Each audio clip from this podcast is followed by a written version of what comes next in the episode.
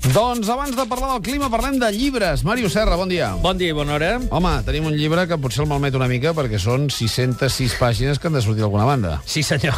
Vull dir que aquí hi ha un arbre o Aquí... un. Què? Mira, avui, justament amb el llibre fullejat, acabarem parlant d'això, concretament, eh? Sí. De tot el que ocupa ecològicament els llibres. Però comencem amb aquestes 600 pàgines... 606. 606, Capicua, Sí, eh? sí. Uh, que ens uh, il·lustren els masclats. Si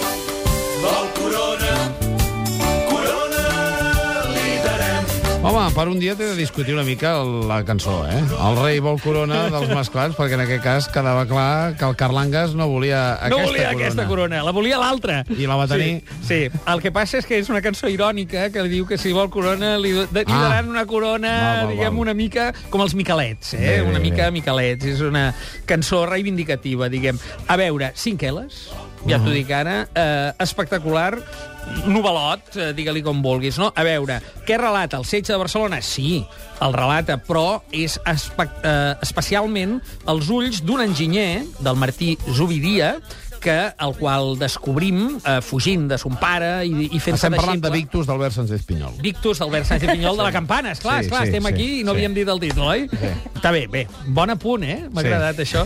Molt bé. Doncs Martí Zubiria, protagonista de Victus, eh, fa de deixeble d'un enginyer francès de Vauban que, eh, bé, ens descobreix aquesta ciència de la poliorcètica, que vol dir eh, la capacitat, diguem, de les ciutats d'emmurallar-se i, per tant, de resistir setges amb baluars, però també d'atacar aquests setges a través d'un sofisticat sistema de eh, rases, no? de trinxeres, dels trinxeraires. A veure, què té de bo? Té de bo el to, eh, absolutament antiheroic, eh, però alhora punyent. Eh, el Martí Zubiria ho explica des de les Vallúries, per tant sabem que ha sobreviscut, això ho sabem des del principi. Eh, li explica, ho dicta amb una Alemanya... Que maltracta, eh, a, a la qual maltracta brutalment. I estic pensant en el mercat alemany, sí. al qual el Sánchez Pinyol, a més, hi té molta entrada, serà curiós de veure aquesta lectura, però aquesta amanuensa va apuntant el que ell li explica, no? Aleshores, eh, assistim a una barreja bastant sàvia d'acció eh, sentències, eh, diguem, des de la saviesa que dona l'experiència, i també informació. Però mai la informació no llasta l'acció. Aquesta és una de les virtuts. Jo abans t'ho deia, jo me l'he llegit doncs, a 80 per hora, 70 per hora, pàgines, eh, parlo, eh, però és que no pots deixar-lo, no? I si algú amb les eh, condicionants temporals que tens tu eh, porta 300 pàgines... vull dir, 310. No, no, no fa més que donar-me la raó, diguem, no? A veure, i és molt documentat, però la documentació no, eh, no te la colen amb calçador. Diguem que forma part. Hi ha moltes subtrames i eh, sosté l'interès de l'acció principal a través d'una sola veu, és, és veritat, que és igual de crítica amb la classe dirigent catalana com, òbviament, amb l'exèrcit invasor espanyol i francès. Per tant, és un eh, molt contrapuntat que li acaba atorgant, diguem, el pes del setge i de, de, de la resistència, de, de la decisió de resistir al poble, a, una, a la menestralia, a tots aquests micalets, a tot un país, i aleshores eh, no s'està, diguem, de criticar també el Carlangas, que fot el camp a Viena i passa de tot, eh, els anglesos que abandonen a la seva sort, diguem, els catalans, però també el que, eh, en castellà, perquè està escrit en castellà, el, los felpudos rojos, que vindrien a ser la classe dirigent catalana de la Generalitat, que tanmateix, tot i votar eh, eh, no resistir, al final acaba resistint perquè el poble s'imposa, no? N'hi ha, per, n'hi ha per tothom, també es fica amb els per, Micalets. per tothom. Per, eh, sí, se'ls veu, diguem, amb una gran eh, capacitat de, de, de, de ser violents. Hi ha un Micalet que l'eleva a categoria de personatge, diguem, que és un tipus, diguem, però que la- l'eleva amb Ballester, eh, l'advocat Casanova... Aquí rep tothom, no? Eh, el gran heroi és el general castellà Antonio de Villarroel, que és qui acaba, eh, diguem, prenent el pes i, i eh, prenent la dimensió heroica. La gràcia del Martí de Zubidia és que li permet, diguem, eh, ser antiheroic i alhora anar fent un creixement des del descreïment absolut, des de l'escepticisme absolut a una implicació. També Aquí és, emocional aquí és on una tu i jo família. discrepem des de, des de, des de que tu t'has llegit tot Clar, el llibre i jo clar, encara no, eh? clar, Però clar, que jo, jo el veig molt heroi al principi i després veig que fa un salt a poc heroi a, a meitat i em sobta. Bé, jo, jo crec que eh, està justificat, en tot cas, la setmana que ve, que estic convençut Sí, que ja no, l'hauràs no, acabat. discutirem, discutirem. Ho acabarem de, de discutir. Sigui com sigui, es llegeix eh, molt bé, és molt recomanable. El fet que estigui escrit en castellà demostra que l'Albert Sánchez Pinyol realment és més creador de guió.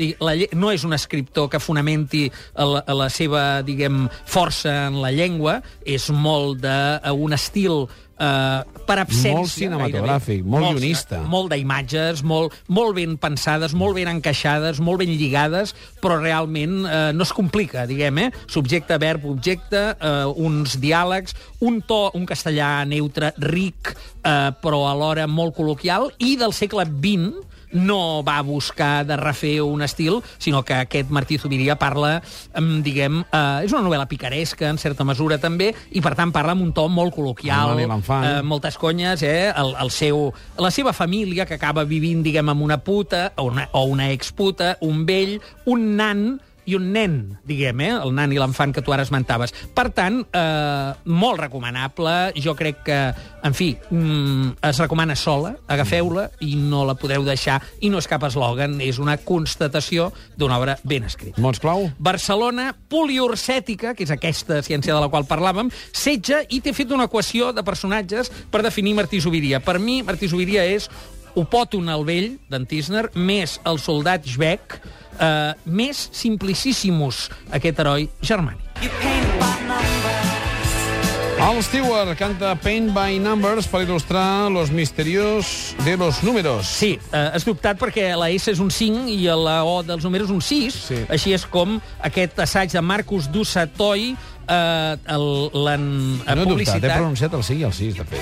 Sí, però, però ho, has, ho has pronunciat eh, en segones veu. A veure, torna'm a pronunciar el 6. Los misterios de los números. Ara, ara, ara, ara ho he Ho vist, veus? això. Molt bé, entre parèntesis, l'odissea de les matemàtiques en la vida quotidiana. El Marcos de Satoy, eh, això ho ha tret El Acantilado, està traduït de l'anglès al castellà i adaptat per l'Eugenio Jesús Gómez Ayala. És un catedràtic de matemàtiques d'Oxford, fa el típic llibre de divulgació, però és un crac de la comunicació des de la BBC, i aquest llibre està ple, com pots veure, de còdics, de codis QR sí. que porten a webs. Hi ha mil reptes, mil històries, i el, la seva virtut és relacionar l'abstracció dels números amb la realitat quotidiana des de la vida concreta, no? Els nostres futbolistes preferits, les ratxes de l'atzar, els números primers i els hàbits de certs animals, és a dir, natura i matemàtica, és una sorpresa. Està bé o és complicat de llegir? No és complicat de llegir. És una sorpresa. És molt amè. Absolutament amè. I ens sorprèn, per exemple, la presència dels números primers en els hàbits d'alguns animalons que es passen uns anys incubant, però seguint exactament la llista de números primers. I penses, carai, eh, quina, què, què, què és abans, diguem, l'abstracció matemàtica o la natura, no? Eh, un llibre, diguem, molt, molt recomanable eh, per part d'un divulgador científic eh, d'un nivell equiparable al nostre estimat de Jorge Wagensberg, per Molt exemple, en l'àmbit matemàtic i, per tant, molt, molt recomanat. Mots clau? Mots clau aquí, O matemàtiques... No, sí, mots i nombres, eh? Matemàtiques, nombres, sèries, atzar, però sobretot, sobretot a mi el que m'ha impressionat és la parella abstracta concret. I ara anem al fullejat. Sí, senyor. Al principi em parlaves de que aquest Victus quants arbres s'hauria carregat. Sí. Doncs mira, el fullejat d'avui eh, és Errata, les tribulacions de l'impressor Prim. Això és un llibre, un conte il·lustrat de la Prudent Penedès i la Paix, que és l'il·lustrador, eh, que està editat per Polen Edicions. És un conte il·lustrat d'un impressor que troba una rata un dia, allà on diu E i diu un 3, eh? com en els números que t'he fet llegir abans, Sí. diguem, i aleshores les seves tribulacions el fan meditar sobre el cost ecològic de fer un llibre cada vegada. I aquest, eh, els editors de Pollen, hi afegeixen una informació ambiental i el que ells diuen la motxilla ecològica del llibre. I diu que els residus generals en grams són 235,81 d'aquest llibre, eh? El consum d'aigua 3,16, etc. Tot un seguit de dades que no ens hauríem imaginat mai que poguessin ser associades als llibres. Màrius, moltes gràcies. A tu. Pausa i Jorge Wagensberg. Catalunya Ràdio.